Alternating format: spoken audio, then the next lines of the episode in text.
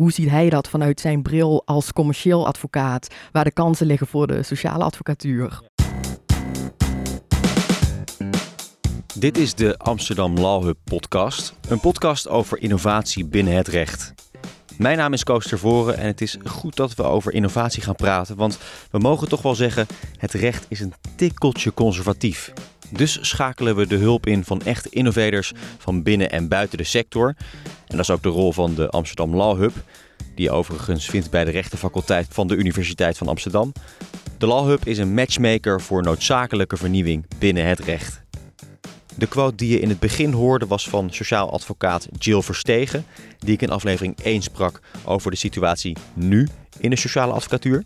En in deze tweede aflevering praat ik met Philip de Roos van de Roos Advocaten en ook van Legaloid. En ja, je hoort het al een beetje in de intro. Uh, de hoop van uh, Jill, van Jill Verstegen. En de hele sociale advocatuur rust op jouw schouders, Philip. Ja, dank je. Daarom dacht ik, laat ik dan maar komen en op tijd zijn. en uh, mijn huiswerk braaf maken, zodat ik eens even mee kan denken. Want het is een heel belangrijk onderwerp wat me ook erg aan het hart gaat. Ja. En de berichten zijn gewoon teleurstellend en droevig eigenlijk geweest. Het is jammer dat dat niet zo goed gaat met die sociale advocatuur, want het is wel echt een hele belangrijke pijler uh, voor de hele maatschappij. Dus uh, ja, laten we eruit proberen te komen, zou ik zeggen. Ja, toch? Ja, ja. Zeker. Je hebt, wassen. Ja, je hebt een plan bedacht, uh, of je hebt in ieder geval een, soort van inzicht over hoe jij de sociale advocatuur zou kunnen vernieuwen. daar komen we zo op. Um, maar eerst even naar een eerdere vernieuwing die je hebt gedaan. dat is het bedrijf Legaloid, een soort van self-service platform voor startende ondernemers. Um, hoe ben je daarop gekomen? Ja, ik ga je gewoon het lange antwoord geven. Dan ga ik ver uh, terug. Want uh, misschien helpt het, als je dat leuk vindt hoor, dat ik even wat nee, verder uh, terug ga. Ja, hoor. Uh, naar mijn dagen als rechtsstudent. Ook hier in Amsterdam. en ook hier bij de wetwinkel. Want ik kwam hier binnen en hier bij de Law Hub zit ook de, de wetwinkel Amsterdam. En daar ben ik eigenlijk ooit verliefd geworden op het recht. En het vak van eigenlijk juridisch adviseur. Daar ben je gaan uh, werken? Daar heb ik gewerkt, twee jaar, ja, als vrijwilliger. En daar kwamen uh, allemaal mensen uit de buurt, het zat toen nog in de buurt van de Wallen, hè, kwamen daar langs met uh, ja, grote problemen. Over het algemeen een grote, zeg maar, rode Dirk van de Broek boodschappentas die dan op tafel werd uitgekieperd. En dan kwamen daar honderden brieven uit van ofwel de sociale dienst ofwel de belastingdienst. En daar konden ze gewoon geen chocola van maken. En toen dacht ik, dan ga ik dat wel even lezen voor jou om er chocola van te maken. En toen lukt het mij eerlijk gezegd ook niet. Uh, want het is gewoon heel vaak uh, heel complex en onnodig uh, complex. En dat was eigenlijk een van de eerste aha-momenten dat ik dacht van... God, wat, waarom is dat nou zo complex? Waarom wordt dat zo complex gemaakt? dat recht en die interactie met dat, met dat recht. Maar wat was er dan precies zo complex? Want nou, tekst, je, krijgt dan een aanmaning misschien voor je te zien... Of, en nog een aanmaning, dat is toch redelijk straightforward, of niet? Ja, dat zou je hopen. Um, en ik, het is wel langzaamaan een beetje beter geworden uh, sinds toen. Maar het, ik weet niet, jij, jij hebt waarschijnlijk niet uh, je hoeft te waden door zeg maar, het aanvragen van huurtoeslag in combinatie met uh, bijstand, in combinatie met zeg maar, de beslagvrije voet en dan uh, twee kinderen en een man die dan af en toe wel werkt en af en toe niet, en seizoensarbeid, noem maar op. Dus het wordt heel snel uh, toch best wel complex. Ja, ja. En als je dan uh, misschien niet Nederlands als eerste taal hebt en taalgevoeligheid is sowieso niet je talent, um, ja, dan kom je er gewoon niet uit. En dan heb je vaak ook nog een soort schaamte om dat meteen hè, prompt te zeggen. Ja. En dan gaat het broeien en dan wordt het echt dan wordt het een nachtmerrie. Toen ben ik gaan werken bij een advocaatkantoor. En ik dacht van nou, dit is echt iets voor mij. Uh, uh, mensen helpen met dat recht. Dat was wel een heel commercieel advocatenkantoor. Eigenlijk compleet iets anders dan uh, die wetwinkel. Het was ook heel leuk.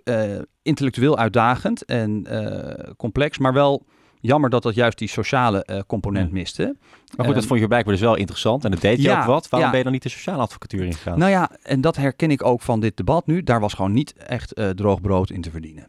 Um, ik, heb het, ik heb het overwogen. Ik heb overigens veel dingen overwogen hoor ik was, was, nou ja, hoe zou ik zeggen, zoals veel rechtsstudenten, hè, wist niet precies wat en hoe en waar, weet je wel. Dus ik heb wat later mijn passie gevonden echt voor die ja, rol van juridisch dienstverlener.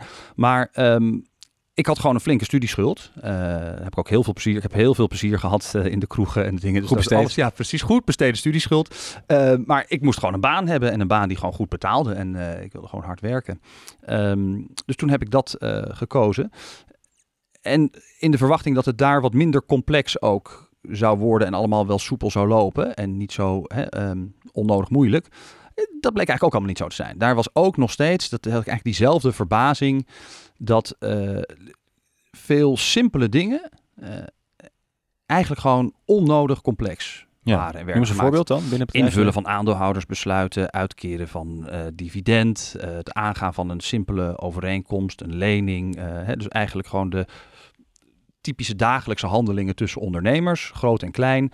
En er komt een jurist bij en dan komen er moeilijke woorden en mitschader of schoon, benevens, hè, het welk en al dat Ja, soort ja. termen. En ja, dan wordt het complex. Ehm, nou, dat was eigenlijk de tweede keer. En toen heb ik een tijdje buiten advocatuur gewerkt bij Google, eh, de internetzoekmachine. Je kent hem wel ehm, in Dublin en me daar eigenlijk helemaal op technologie gefocust. Was ik ook niet als jurist betrokken, maar meer als eh, online product eh, man. Ja, want je dacht toen eigenlijk, nou de juridische sector, dat is eigenlijk niks voor mij. Daar wil ik niks mee te maken hebben. Nee, ik dacht eigenlijk helemaal niet na. En eh, er is eigenlijk een soort van, this, maar life is what happens while you're making other plans. En de eerlijk, eh, ik wilde gewoon naar het buitenland met mijn vriendin en we konden toen zeg maar ergens heen. Dus het lijkt Dus altijd... Google op zich een leuke werkgever. Ja, maar ik heb ook gesolliciteerd bij Transparency International in Berlijn en in een van de windmolenpark in Sevilla. En het was eigenlijk, I didn't care, eigenlijk heel eerlijk gezegd. Maar goed, het werd, het werd Google. En daar werd alles wel behoorlijk eh, innovatief en simpel eh, aangepakt. En dat was eigenlijk een soort van cultuur die ik miste in de advocatuur en eigenlijk in het hele recht. Mhm. En daar is dan, dus nu kom ik eigenlijk pas op jouw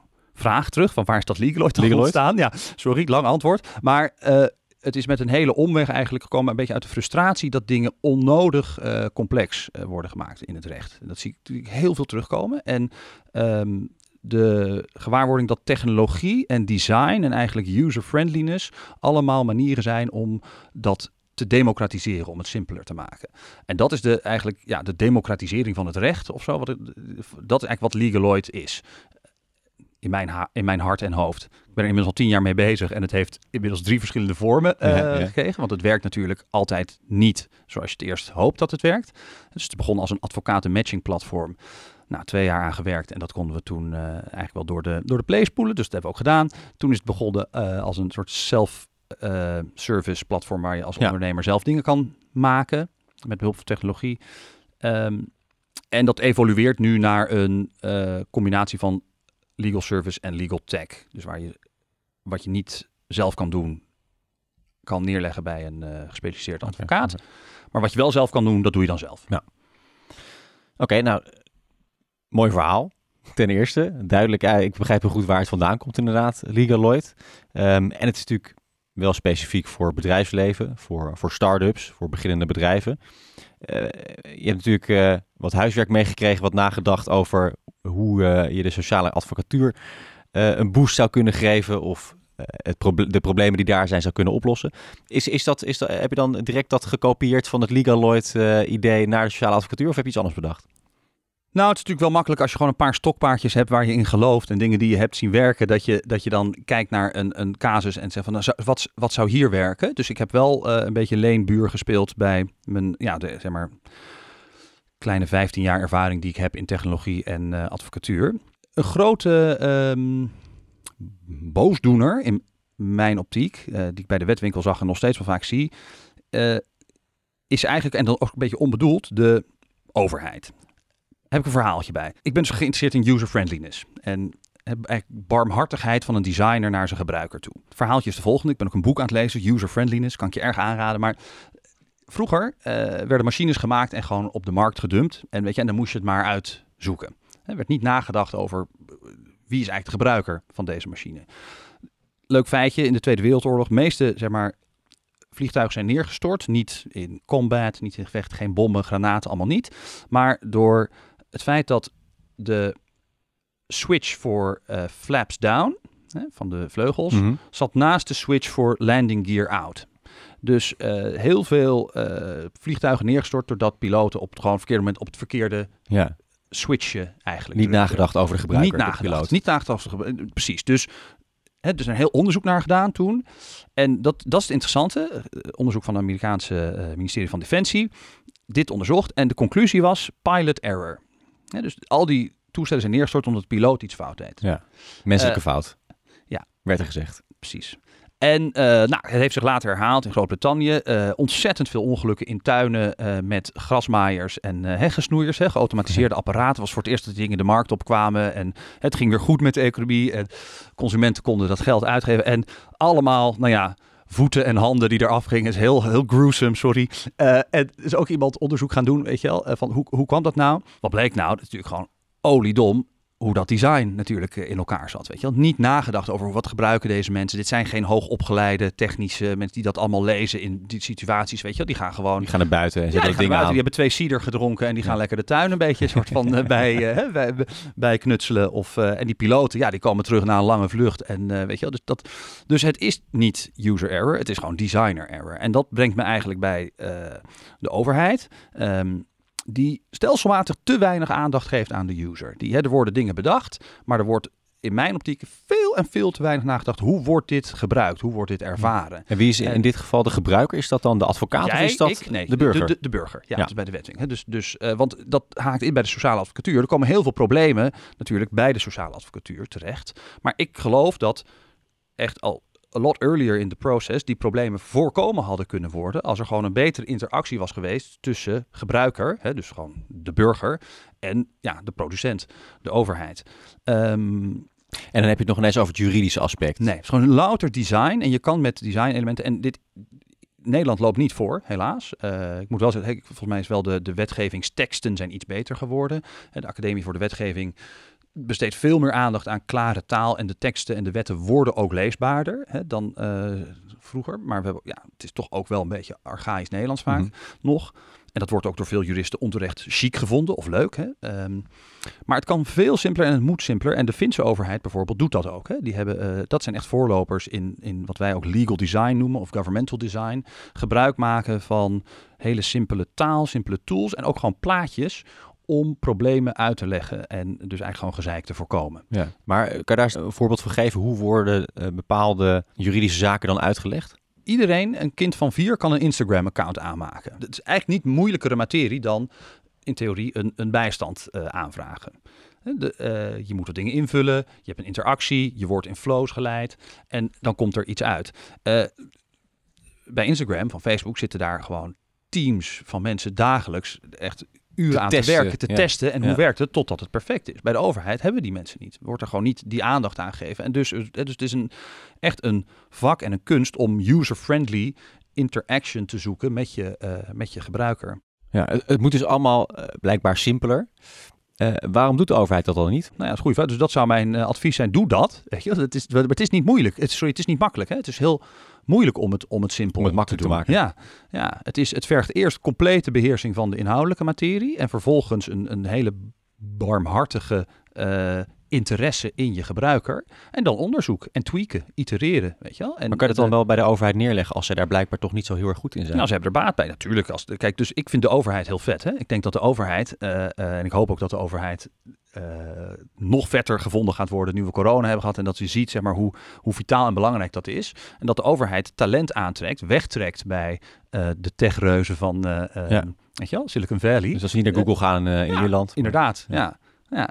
Ja, want dat is, ja, bedoel, zo boeiend is het daar niet. Dat kan ik dus nu alvast zeggen. Mocht je overwegen om, uh, om bij Google te gaan werken, ja.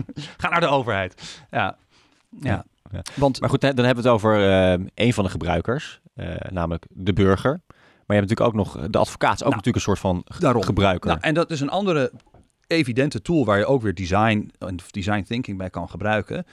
In de interactie met je cliënt, hè, als sociaal advocaat, um, in mijn ervaring is, is die communicatie. Hè, dus nogmaals, ik ben geen sociaal advocaat, maar als ik een beetje mag leenbuur spelen bij mijn ervaringen vroeger in die, in die wetwinkel, uh, is er een altijd een gat tussen wat jij als jurist weet en jouw eigen taalgebruik en al die regeltjes en die moeilijke wetten en gewoon het in Jip en Janneke taal uh, bij de gebruiker, jouw cliënt krijgen, weet je wel. En daar kun je ook, het zijn ook vaak problemen die op elkaar lijken met, hoe zou ik noemen, een soort van manual of een plaatje of een, soort van flowchart van kijk, dit is hoe we over het algemeen echtscheidingen met nevenvorderingen aanpakken. Eerst moet jij mij deze informatie geven, dan dit is het proces. Hè, dus dus uh, je moet je je kan ook je cliënt er veel beter mee bedienen en sneller mee bedienen. Als je, wat bij ons goed werkt altijd in de praktijk, is dat we, wij beginnen vaak met, we hebben ook natuurlijk gewoon in onze advocatenpraktijk complexe, lange processen. En mensen komen binnen en je begint eigenlijk een soort fout. Vaak begin je te vertellen van, oh ja, we gaan dit doen, nu gaan we dit Ja. doen. En dan, maar het werkt veel beter als je met een eh, A3 landscape formaat even het hele proces aan ze uitlegt. Kijk, vandaag staan we hier, over zes maanden staan we daar. Hè, dit, is, eh, dit is het bos. Ja? Ja. Oké, dit zijn de boompjes. Oké, we beginnen bij deze berg. Weet je wel? En dan, dan is het, eh, dat, dat zet ook eh, de gebruiker ehm, ja, een beetje, hoe zou ik zeggen, op zijn gemak. Hè? Het stelt hem op zijn gemak. Dus da- daar zou je als misschien sociaal advocaten tijd ook kunnen winnen. Want dat merk ik ook.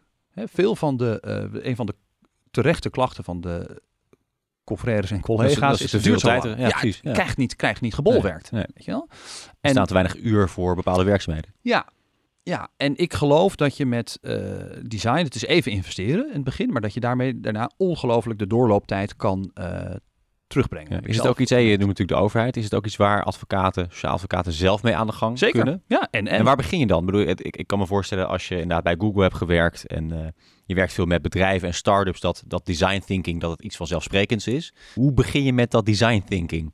Nou ja, ik denk, nou dan kom ik bij het volgende eigenlijk. Ik, eh, ik wil dus eigenlijk ook wel af van dat de advocatuur een innovatieve, eh, sorry, eh, conservatieve sector is. Ik denk dat dat dus, en dat is ook wel aan het postvalt hoor, dat idee. Hè, de T-shaped lawyer wordt ook wel eens ge- ge- geroepen. Hè, dus de advocaat die van vele markten thuis is. Ik denk dat de advocaat van de toekomst eh, heel versatile moet zijn om te, te slagen. En ik denk dat veel van de talenten nu, de jonge talenten, mensen die nu uit de studiebanken komen, net, net zijn begonnen, dat ook wel zijn. En van nature wel eh, gevoel en interesse hebben. Hoe brengen we dat ondernemerschap in de sociale advocatuur? Nou ja, daar zie ik eigenlijk een rol voor eh, de orde van advocaten. Dat wordt een beetje gedeeld door iedereen. Hè? Dus de, de jonge mensen zelf, als je echt ondernemer bent, ja, dan ben je dat en dan ga je dat doen. Hè? Dus vroeger, eh, de jaren zeventig, was sociale advocatuur heel ondernemend. Ik ken een paar, eh, Leo Spicht is zo iemand, maar zijn andere, eh, zeg maar echt groot van, ja, eh, mastodonten van het advocatenvak, weet je wel? ja. Echt, echt soort van de, de grootheden die in de sociale advocatuur zijn begonnen en daar heel succesvol in waren. Die heel goed door hadden wat standaardisatie is, die ook goed hoofdzaken en bijzaken konden scheiden, die goed bij de intake, zeg maar, niet kansrijke zaken, gewoon ook dat hard zeiden tegen klanten, sorry, je hebt Ja. geen zaak hè? En gaan we niet doen.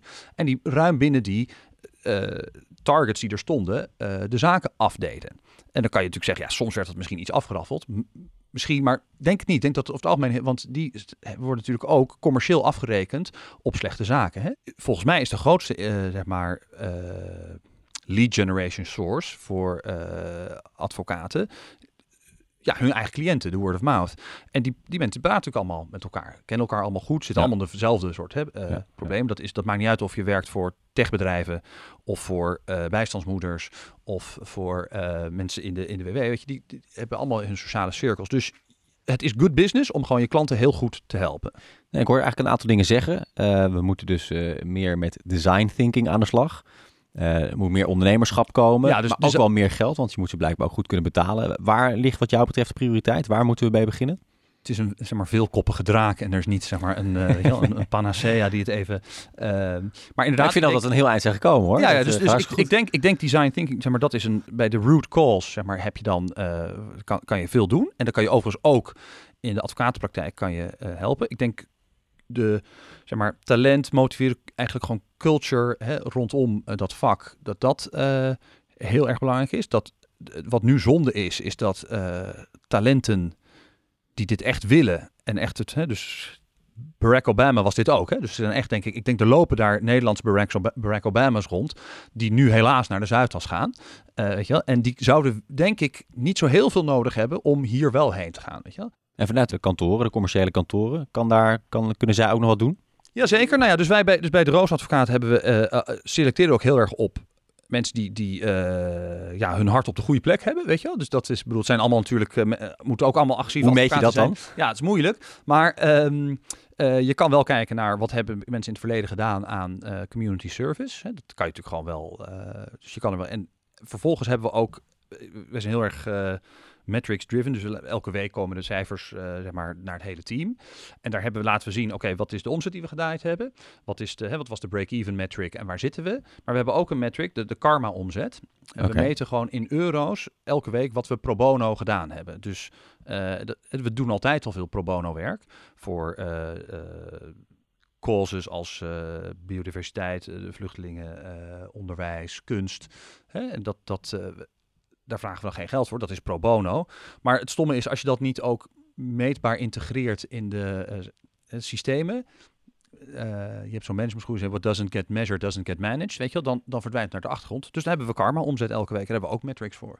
En als we aan het eind van het jaar onze karma omzet, hè, dus eigenlijk gewoon hoeveel werk hebben we pro bono gedaan, als we dat niet halen, dan wordt het bijgestort uit de winst. Ga je zelf ooit nog wat doen in de sociale advocatuur, denk je? Nou ja, het sluit niet uit. Het, het, is, het is ook in belangrijke mate maatschappelijk werk. Hè? Dat is uh, um, belangrijk element van de sociale advocatuur is ook de, de relatie met de, de persoon die bijkomt, die ook een probleem heeft en ook aangehoord wil worden. Dat is niet altijd strikt juridisch. Het is ook menselijk. Heel menselijk, maar dat is wel time consuming. Ja. En dat moet je ook wel leuk vinden. Of misschien daar ook iets mee, dat weet ik niet. De, de vraag is of nou een, een Technisch want aan de ene kant wil je het efficiënt doen. Je nou, daarom. Eh, weet je, dus, wil je inderdaad vind je het leuk omdat je dat menselijke aspect hebt. Ja, je, het zou interessant zijn, maar ik weet niet. Hè, maar ik zou dus zelf in de sociale advocatuur gaan meten, willen weten van mijn zeg maar, uh, acht of negen uur dat ik gewerkt heb deze dag. Hoeveel uren was ik daarmee uh, bezig met echt de wet en juridische kennis en eigenlijk een casus toe te spitsen op de regels en daar dan een advies uh, of een product uh, En hoeveel was ik bezig met uh, gevoelsreflectie, begrip tonen, ja. coachen, mensen helpen met hun, hun emotionele bagage. want allebei heel belangrijk, maar het, het, maatschappelijke werk, ja, dat, de vraag is of dat bij die sociale advocatuur moet liggen. Nou, dat is een vraag hoor, dat kan niet, daar weet ik gewoon echt weinig van om daar iets... Nee, in ieder geval hele interessante eh, inzichten, Filip. Dankjewel daarvoor. Graag gedaan. Design thinking. Dat is vast een term die innovatiestratege Irene Koel niet vreemd is. Even met haar bellen om te toetsen of dat idee van Filip wat voor de sociale advocatuur is. Hey Irene. Hey Koos. Daar zijn we weer. Ja, ik eh, ben even uh, terug uh, aan de telefoon, want uh, ik heb met Filip gesproken. Filip de Roos van de Roos Advocaten. Ja.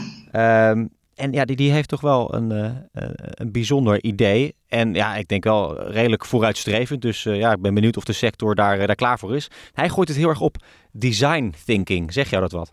Ja, ja, ja. Dat is dat is een proces van eh, innoveren. Hè? Dus uh, heel, heel, een beproefde methodiek om tot innovatie te komen. Het is een proces. Ja, ja een beetje een buzzword hè, tegenwoordig. Ja, het is een beetje, nou ja, weet je, processen zijn als brillen. Het maakt eigenlijk niet zo uit welke je gebruikt, als jij er maar scherper door gaat zien.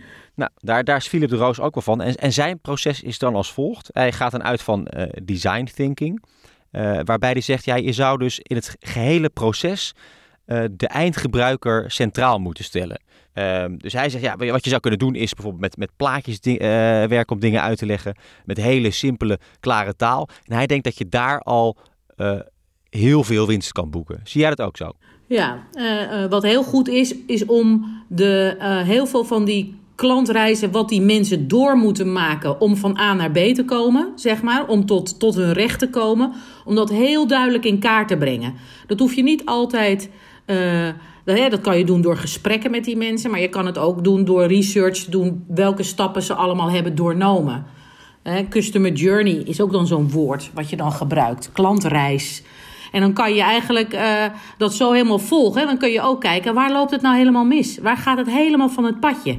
En dat je daar dan oplossingen voor verzint. Het helpt heel erg, een beetje participerende observatie, hè? dat je heel goed in het snotje krijgt Waarom duurt dit nou allemaal zo lang? En wat is de. Wat, waar, waar gaat het mis? Want ik kan me ook nog voorstellen, wat je het liefst wil natuurlijk, dat het überhaupt niet zo ver komt.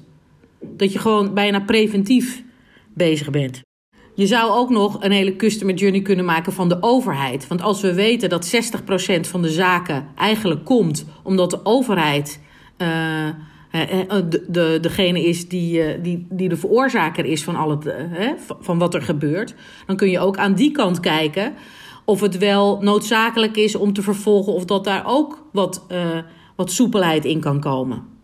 Denk aan Belastingdienst. Denk aan hè, wat daar allemaal is gebeurd. Nou, uh, dankjewel uh, Irene. Uh, ik, ik, ik, ik, voel wel, ik voel wel een beetje wat voor, voor dit idee. Jij ook, van Filip?